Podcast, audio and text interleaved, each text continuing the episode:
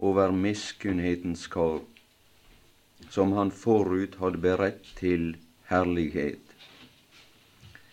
Og til å bli slike kalte han også oss, ikke bare av jøder, men også av hedninger. Ja, vår Fader i Kristus, kan oss få komme fram for deg og be om velsignelse og nåde over din ettermiddagsstund, når jeg gjør et forsøk på å lese ifra Romerbrevet i denne time, og også for den neste time med det som han Jan Harald skal drage fram ifra ditt ord. Du ser, her, det må bli det samme å si som. Oss alltid sier, at oss formår ingenting, og det som oss har funnet tak i, det er ingenting. Hvis ikke du legger noe til, og du velsigner det som oss rører ved. Så be oss det om det, Herre, at du må ta det av oss i denne time og gi velsignelse og nåde til hjelp. Amen.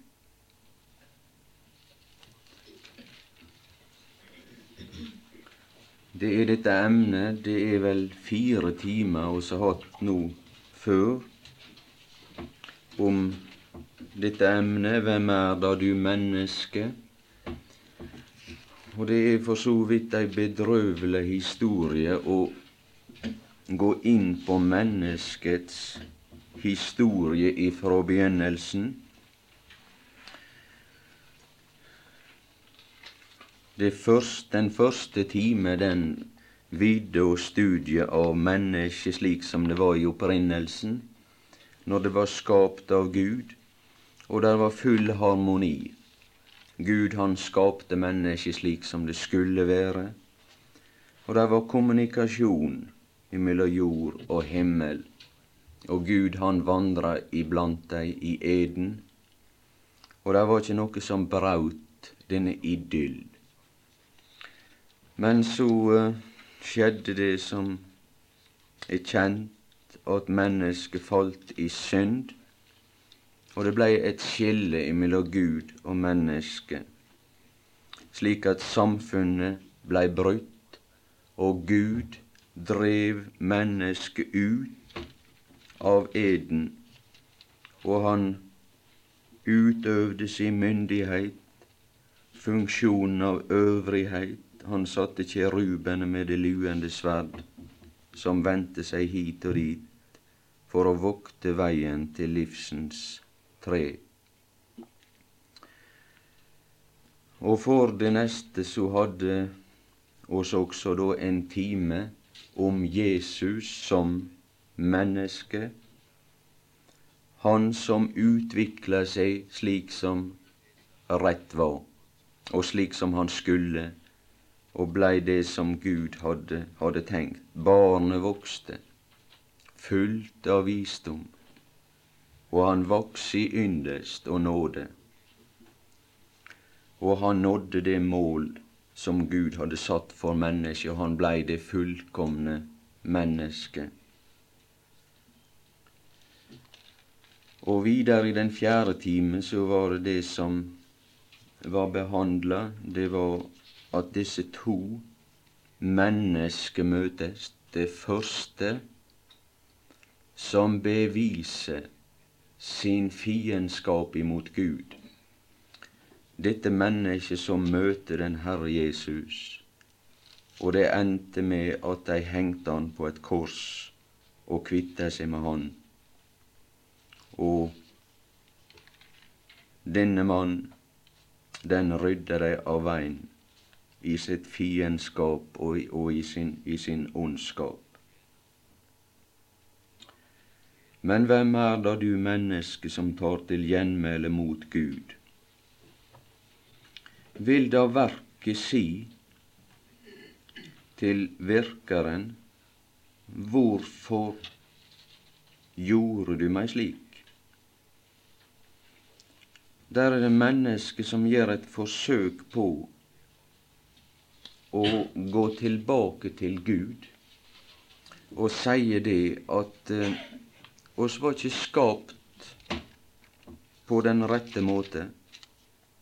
Hvorfor gjorde du meg slik? Det er et spørsmål. Men oss las det ifra Predikans bok at Gud, han skapte mennesket slik som det skulle være. Men så skjedde det det at mennesket blei ødelagt, men så er her da ei antydning i det som oss slås, at når det verk som var gjort, blei mislykka, det verk blei ødelagt, så ga ikke Gud opp dette prosjekt, for å si det på den måten. Han ga ikke opp denne idé med mennesket i samfunn med Gud. Og derfor så gjorde han det om igjen til et annet kår. Og det er det som er det fine, at, at Gud, han, han tar seg fortsatt av mennesket. For å gjøre det ikke bare til det som det var i opprinnelsen, men han skaper det endå til til et bedre til et bedre kar enn det som det første mennesket var. I Første Mosebok, det andre kapittel, så står det om at Gud, Herren, dannet mennesket i, i Første Mosebok 2, 7.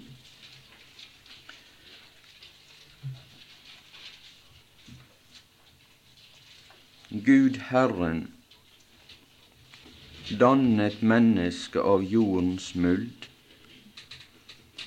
og blåste livets ånde i hans nese, og mennesket ble til en levende sjel. Og i første Korinterbrev 15 der står det det at det første mennesket var av jorden, jordisk. Han tok ifra jorda og ifra molda og laga i stand dette første mennesket. Men så var ikke det det som egentlig var Guds opprinnelige tanke, det som kunne sjå ut som å være noe som kom inn ganske på tvers av det som Gud hadde regna med. Det hadde Gud kunnskap om, allereie ifrå evigheit av, ifrå fordumsdagen. For det var beslutta i Guds evige råd at dette er ikke det endelige mennesket han skapte slik som det skulle være. En skjønte det var fullkomment, han hadde høgere tanker. Og det som han hadde i tanker, det var det at Guds sønn, han var der i dette evige råd og så hadde han det i tanke at han skal bygge mennesket etter denne modell, etter Sønnens bilde. Og så står det det i Efeserbrevet at oss er utvalgt i Kristus ifra før verdens grunnvoll ble lagt. Oss er bestemt til å bli likedanna med Sønnens bilde. Det annet menneske er av himmelen, i altså første Korinterbrev 1547. Det første mennesket var av jorden og jordisk. Det annet menneske er av himmelen. Således som den jordiske var, så er òg de jordiske. Og sådan som den himmelske er, så skal òg de himmelske være. Og like som vi har båret den jordiske spillere, så skal vi òg bære den himmelske spillere, og det er det sikta tilbake til. Det er det som står i vers 45. Det første mennesket Adam og den siste Adam, som er Kristus.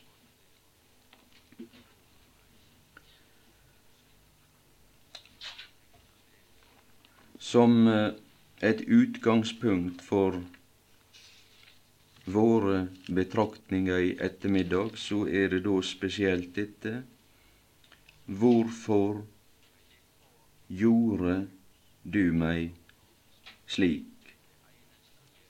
Og enn videre det som er sagt i fortsettelsen fram til det 24.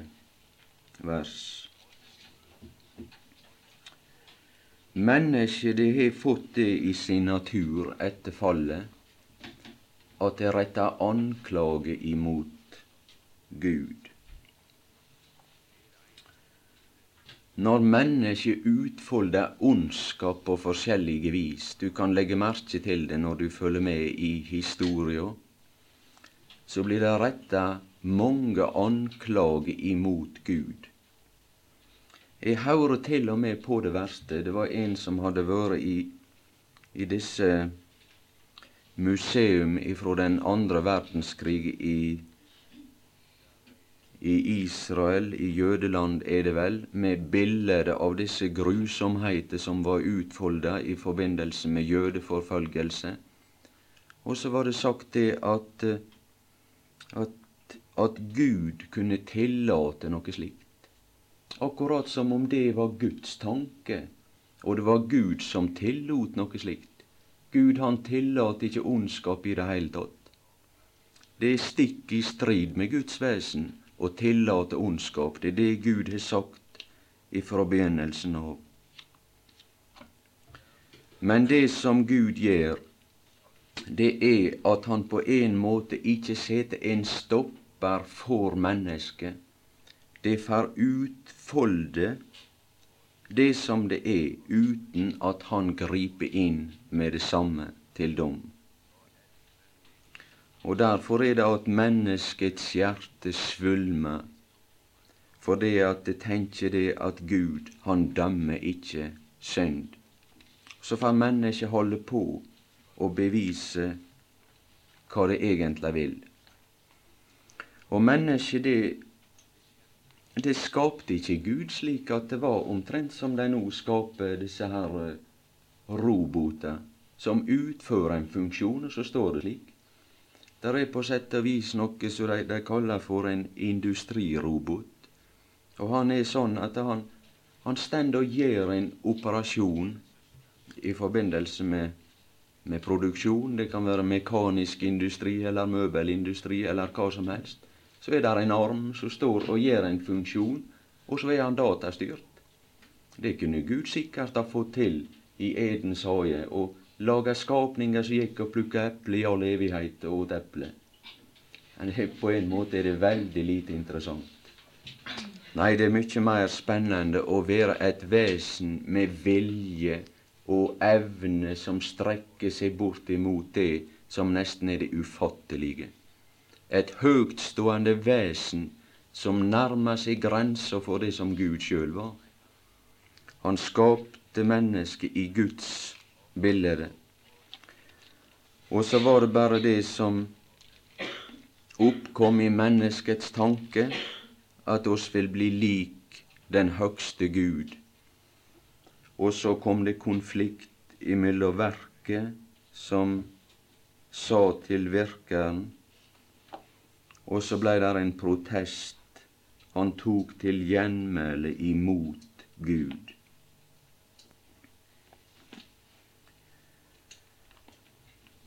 Det som skjedde når vi leser menneskets historie, det er at mennesket det var bygd og skapt av Gud til å romme det som han sier i, i, i det andre kapittelet av Første Mosebok, at det og det skal du ta inn. Og så bygde Gud mennesket for at det kunne ta inn det som han sa. Men for å gå til romerbrevet, så skal vi bare gjøre et praktisk Overføre det på et praktisk plan og sjå det som skjedde i fallet.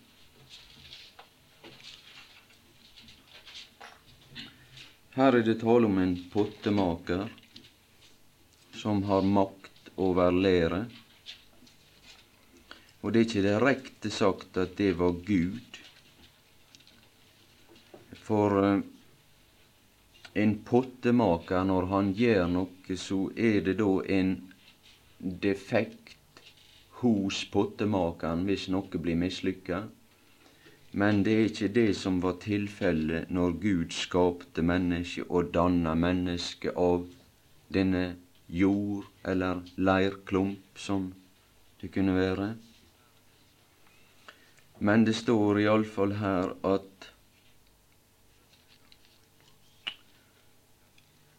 han er å sammenligne med en pottemaker som kan som har makt over lære sånn av samme deig, kan arbeide det ene kar til ære og det andre til vanære. Av samme deig. Det som Gud kunne gjøre, det var når dette kar blei ødelagt og mislykka og forfeila sitt mål og si vandring, det var at han forkasta dette og tok seg ei ny deig og danna noe nytt. Men det var det som gjør at oss ikkje er forkasta for evig og alltid. Det var at han tok den samme deig og gjorde den om igjen, og gjorde godt igjen det som, som blei galt. mennesket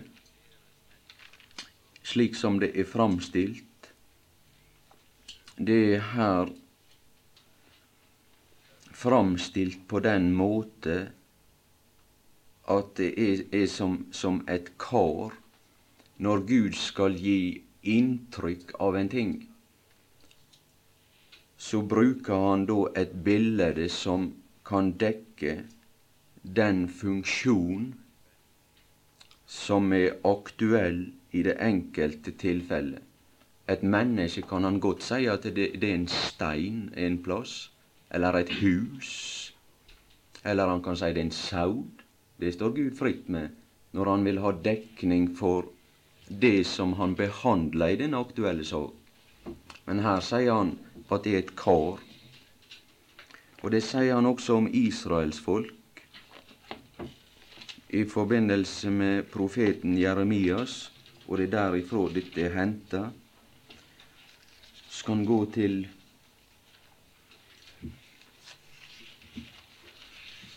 Jeremias.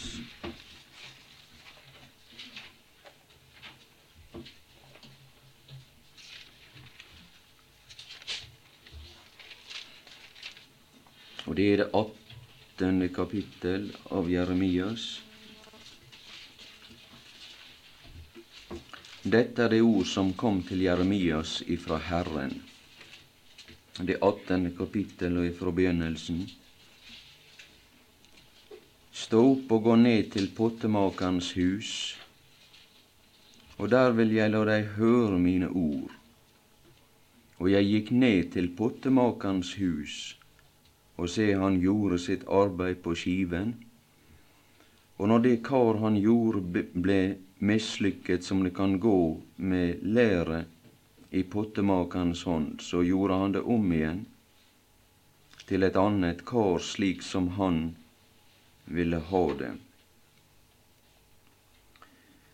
Men det som kunne skje med et kar som pottemakeren hadde gjort La oss bare gjøre et lite tankeeksperiment i forbindelse med det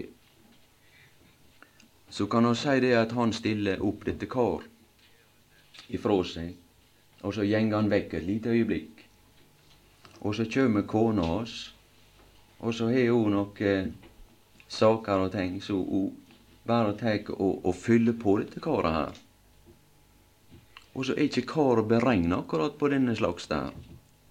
Og så blir karet ødelagt. Jeg tror det var nettopp noe slikt som skjedde etter det som vi leser om i Første Mosebok. For Gud hadde sagt det, du må ikke fylle inn på karet det som er akkurat der på dette treet her, for det er beregna på alt annet, men ikke på det som er der. Så sier Gud det til Eva når oss leser om, det i Første Mosebok 3 og 13. Da sa Gud Herren til kvinnen, hva er det du har gjort? Hva er det du har gjort? Det er et begrep som eh, jeg hører blir brukt iblant de unge, og det er noe spesielt da i vår familie, så er det mange unge av, av barna som vokser opp til brødrene mine.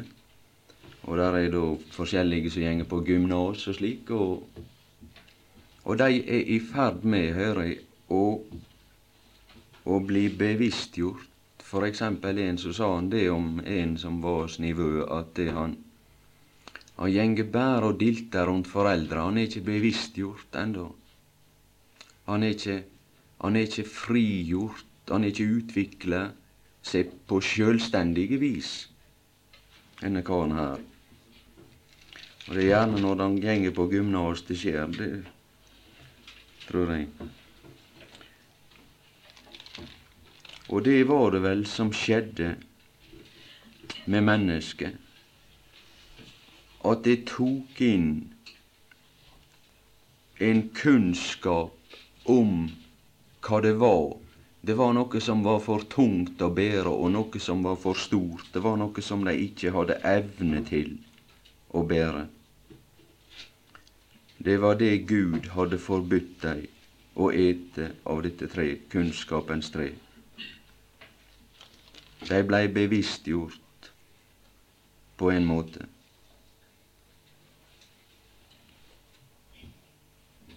Det var ei side av fallet, men så hadde Gud sagt det. Det som var forbrytelsen, det var at mennesket gjorde imot Gud. Men alltid når det er ei lov at som sier det du skal ikke gjøre det, så er det på grunn av at hvis du gjør det, så fører det til en skade. Og setter ikke lov i hytt og vær. Men ei lov er alltid en funksjon som er forebyggende. Du skal ikke slå i hjel, for det fører til en skade for den som du rammer. Og du skal ikke stele, for det fører til et tap når du tar. Det er slik ei lov en funksjon. Og derfor setter Gud denne lov på grunn av at den kunne ikke brytes uten konsekvens. For da blei den ødelagt som åt av denne frukt. Hva har du gjort? Så sier kvinna det, det er slangen som dåret meg. Jeg åt og ga min mann med meg.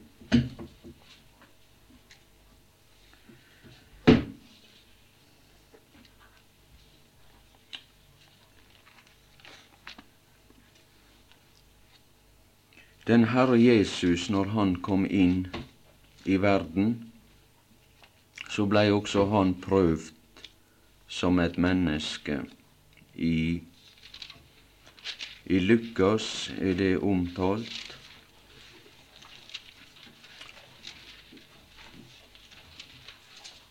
og det fjerde kapittel. Det var nevnt her i en tidligere forbindelse at når Gud setter mennesket på prøve, så ga han dem så gunstige vilkår, levevilkår, som det kunne gå an. Han setter dei inn i en fruktbar hage. Og når den Herre Jesus kom inn i denne verden, og han skulle prøvast som menneske, så kom han inn i ruinen av det som Gud hadde skapt i sin fullkommenhet. Og det som var igjen, det var ei ruin, og han var omgitt av syndere, han var omgitt av motstand overalt. Og det som var ei fruktbar jord, det var en ørken. Og det står det i Lukas 4, at Jesus Her kan du legge merke til at i det foregående kapittel så er det Jesus som menneske, for han føres i stamtavle like tilbake til Adam. Det er Jesus som menneske. Men Jesus vendte tilbake fra Jordan, full av Den hellige ånd, og han ble av ånden ført om i ørkenen. Og i 40 dager fristet av djevelen, og han åt intet i de dager. Og da de var til ende, ble han hungrig. I motsetning til mennesket så hadde han ingenting til tilfredsstillelse for, for seg når han blei sett på prøve. Der er to måter å klare ei prøve på. Det er med nød og neppe å klare å bestå ei prøve, også det å bestå prøver med glans. Det var det som skjedde i forbindelse med at Elias ofra på Karmel, så auste han vatn utover alteret og i grøfta rundt omkring. Og så var det den som kunne få ild på offeret og på veden. Det var han som var profet for den eneste sanne Gud. Slik at Elias gjorde det vanskelig for Gud for dermed å bevise Guds storhet. Og for å bevise Jesus sin kvalitet, så er det gjort så vanskelig som råd er for han. Han åt intet i de dager, og da de vårt elende ble han hungrig. Da sa djevelen til han, Er du Guds sønn? Da si til denne sten at den skal bli til brød. Og Jesus svarte ham, det er skrevet, mennesket lever ikke av brød alene, men av hvert Guds ord. Jesus, han, var, han svarte det mennesket her var det ikke Gud som sto overfor djevelen, men mennesket Kristus Jesus. Mennesket lever ikke av brød alene. Og han var undergitt disse menneskets love. Og i en ørken der er ikke brød, der er ingenting som vekser. Og derfor, når han var av Ånden ført om i ørkenen, så var ikke der mat. Og så kunne ikke han bryte disse naturens lover som han var undergitt, og bare si og gjøre seg hjelp til på den måte at han berga seg ved hjelp av at han var Gud. Og så frista djevelen han og sa det, at nå må du gå en lettere vei enn den vei som det er å være menneske. Og der er også andre prøver, men det skal oss forlate. Men det som han gjorde i denne verden, ifra først og til sist, det er det som videre står i Johannes 4, 34.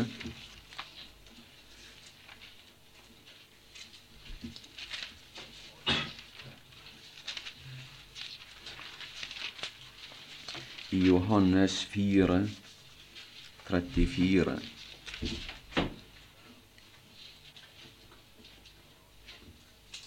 Jesus sier til dem at min mat, det er å gjøre Hans vilje som har sendt meg, og fullføre Hans gjerning. Han levde underordna og i fullkommen lydighet imot Gud i all si vandring gjennom denne verden. Han gjorde ingenting av seg sjøl. Slik levde han ifra først og til sist. Alt som han gjorde, det var det som Faderen befalte, og alt som han talte, det hadde han først hørt, hørt hos Faderen. Å gjøre din vilje, det er min lyst. Det var det som det, men, det, det første mennesket feila og forbraut Guds lov. Det gjorde han. Det gjorde han om igjen med sitt liv, og levde et liv i lydighet imot Gud ifra først og til sist. Og så er det sagt i, i Romerbrevet, når mennesket sier det, hvorfor gjorde du meg slik? Du gjorde meg på en gal måte. Du skapte meg på en gal måte. Men så setter Gud inn et menneske som han gjorde på den samme måte.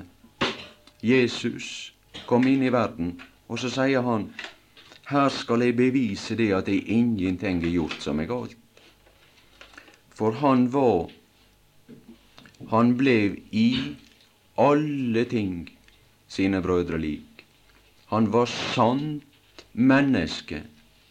100 et menneske, slik som du og jeg, og levde ifra begynnelsen og til slutten under de samme vilkår og under verre vilkår. Under mykje verre vilkår enn det første mennesket og han levde Gud til velbehag ifra først og til sist.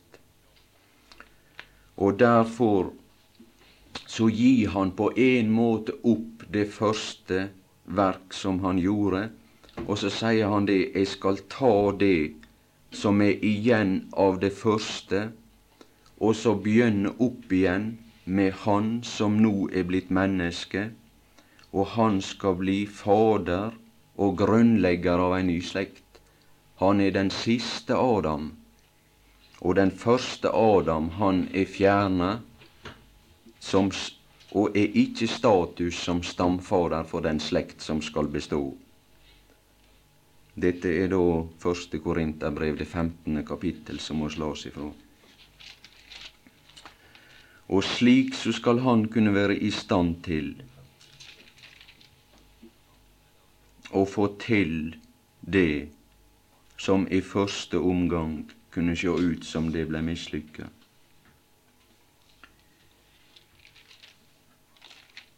I Romerne 9,24. Og til å bli slike kar kalte han også oss.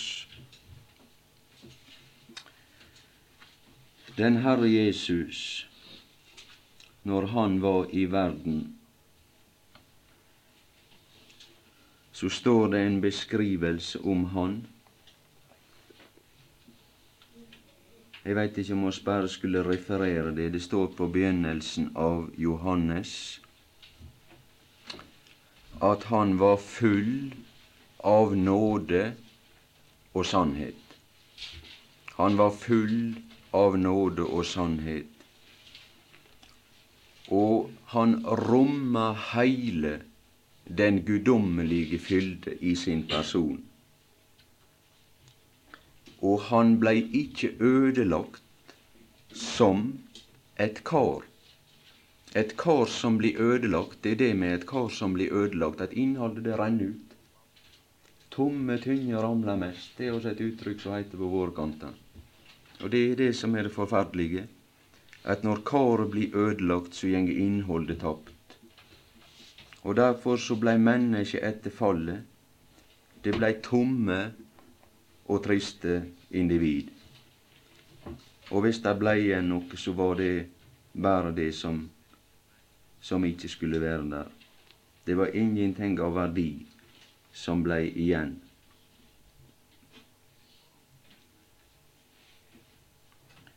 Skal sjå om jeg kunne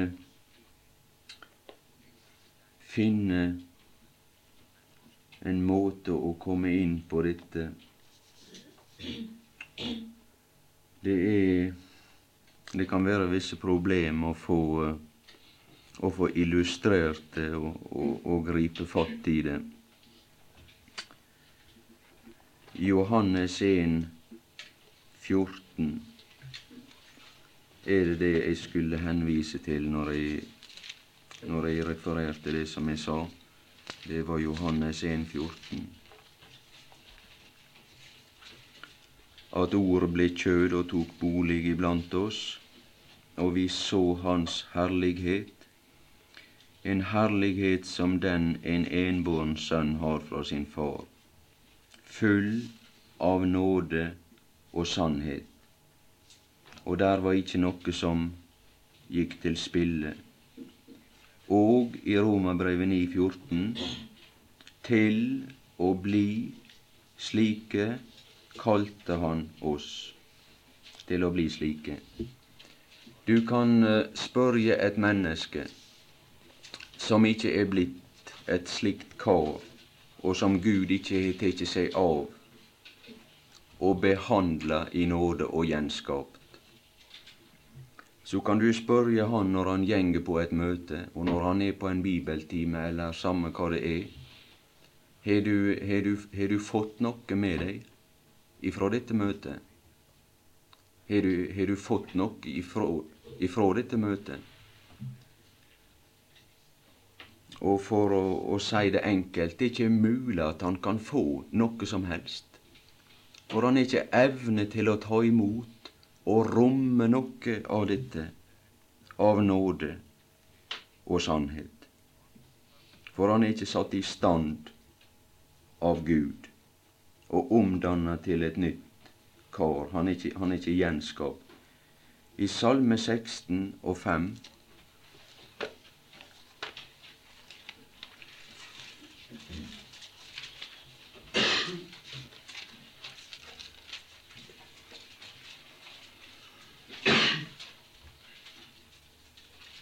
Herren er min tilfallende del og mitt beger. Herren sier det om seg sjøl at han er også et beger og et, et kar som inneholder noe. Og han skapte mennesket i Guds bilde.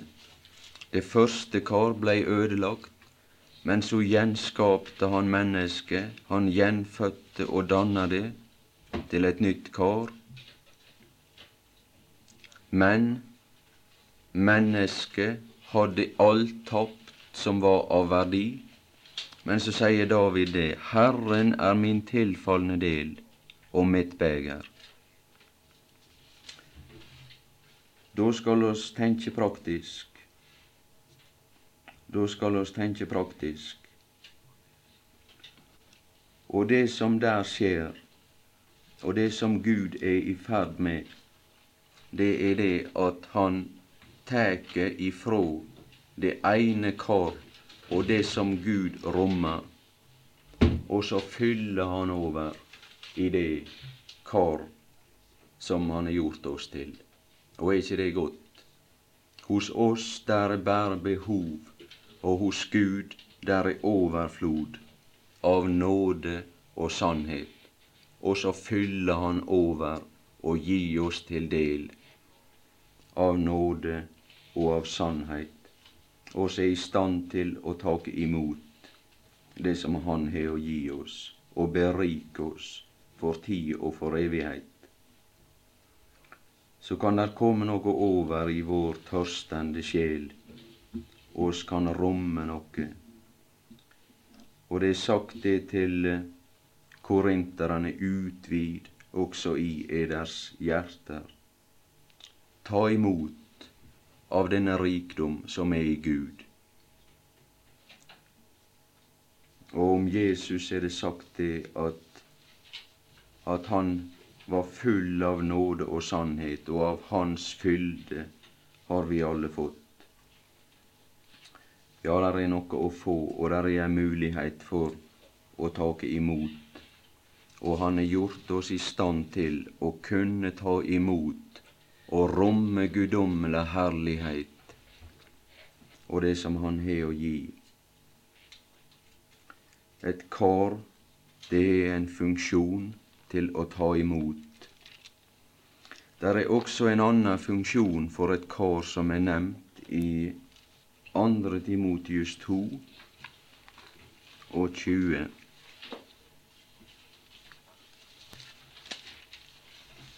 og det er et kar til pryd og ære.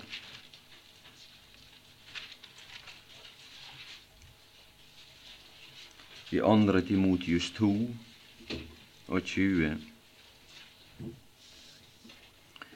Men i et stort hus er det ikke bare kar av gull og sølv, men også kar av tre og ler. Det, det er det som er det forferdelige i denne verden, at når oss gjenger omkring, så ser oss kar av tre og av lær. Det er de som er etter den første Adams bilde, og som er bære av, av jord, og som ikke er i stand til å romme og ta imot noe av det guddommelige, og som der ingen skjønnhet er ved, og som der ingen kvalitet er i. Men så er det da kar av gull og sølv, og det er de som er til ære, og det andre til, til vanære. Og det står om disse kar som er til ære, og som er, er ei ærefull, et ærefullt utseende, og som er ærefullt i sin kvalitet, og som har verdi. Det som er av tre, og det som er av ler, det er ingenting verdt. Men det når det taler om gull og sølv, så er det det som er dyrebart. Det er det som er, det er, det som er noe verdt. Og det står det om sølvet. Det er seg så edelt et malm. Lå det i jorden i tusende år, så er det, er det like godt. Og gull, det blir aldri ødelagt.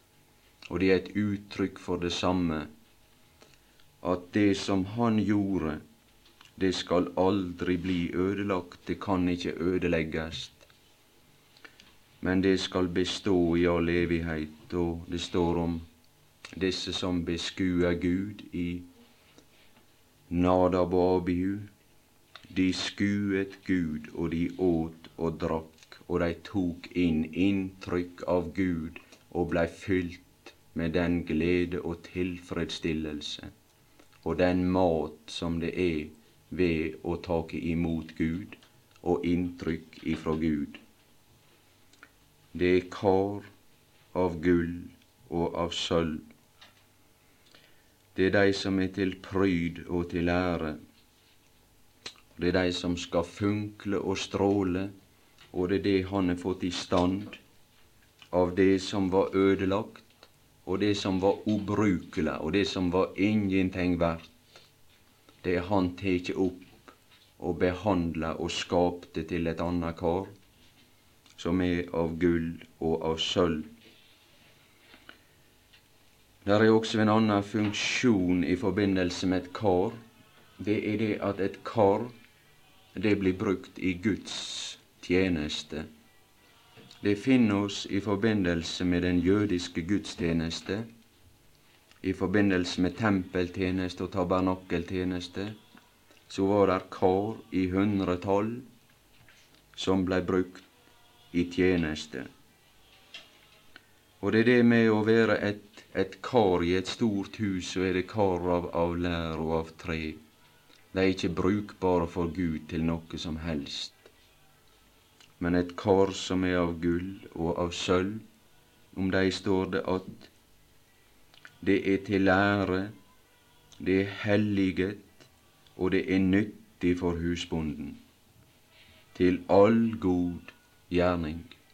Det funksjonerer slik som det skal, for han kan ikke bringe ut god mat i et kar som, som ikke passer.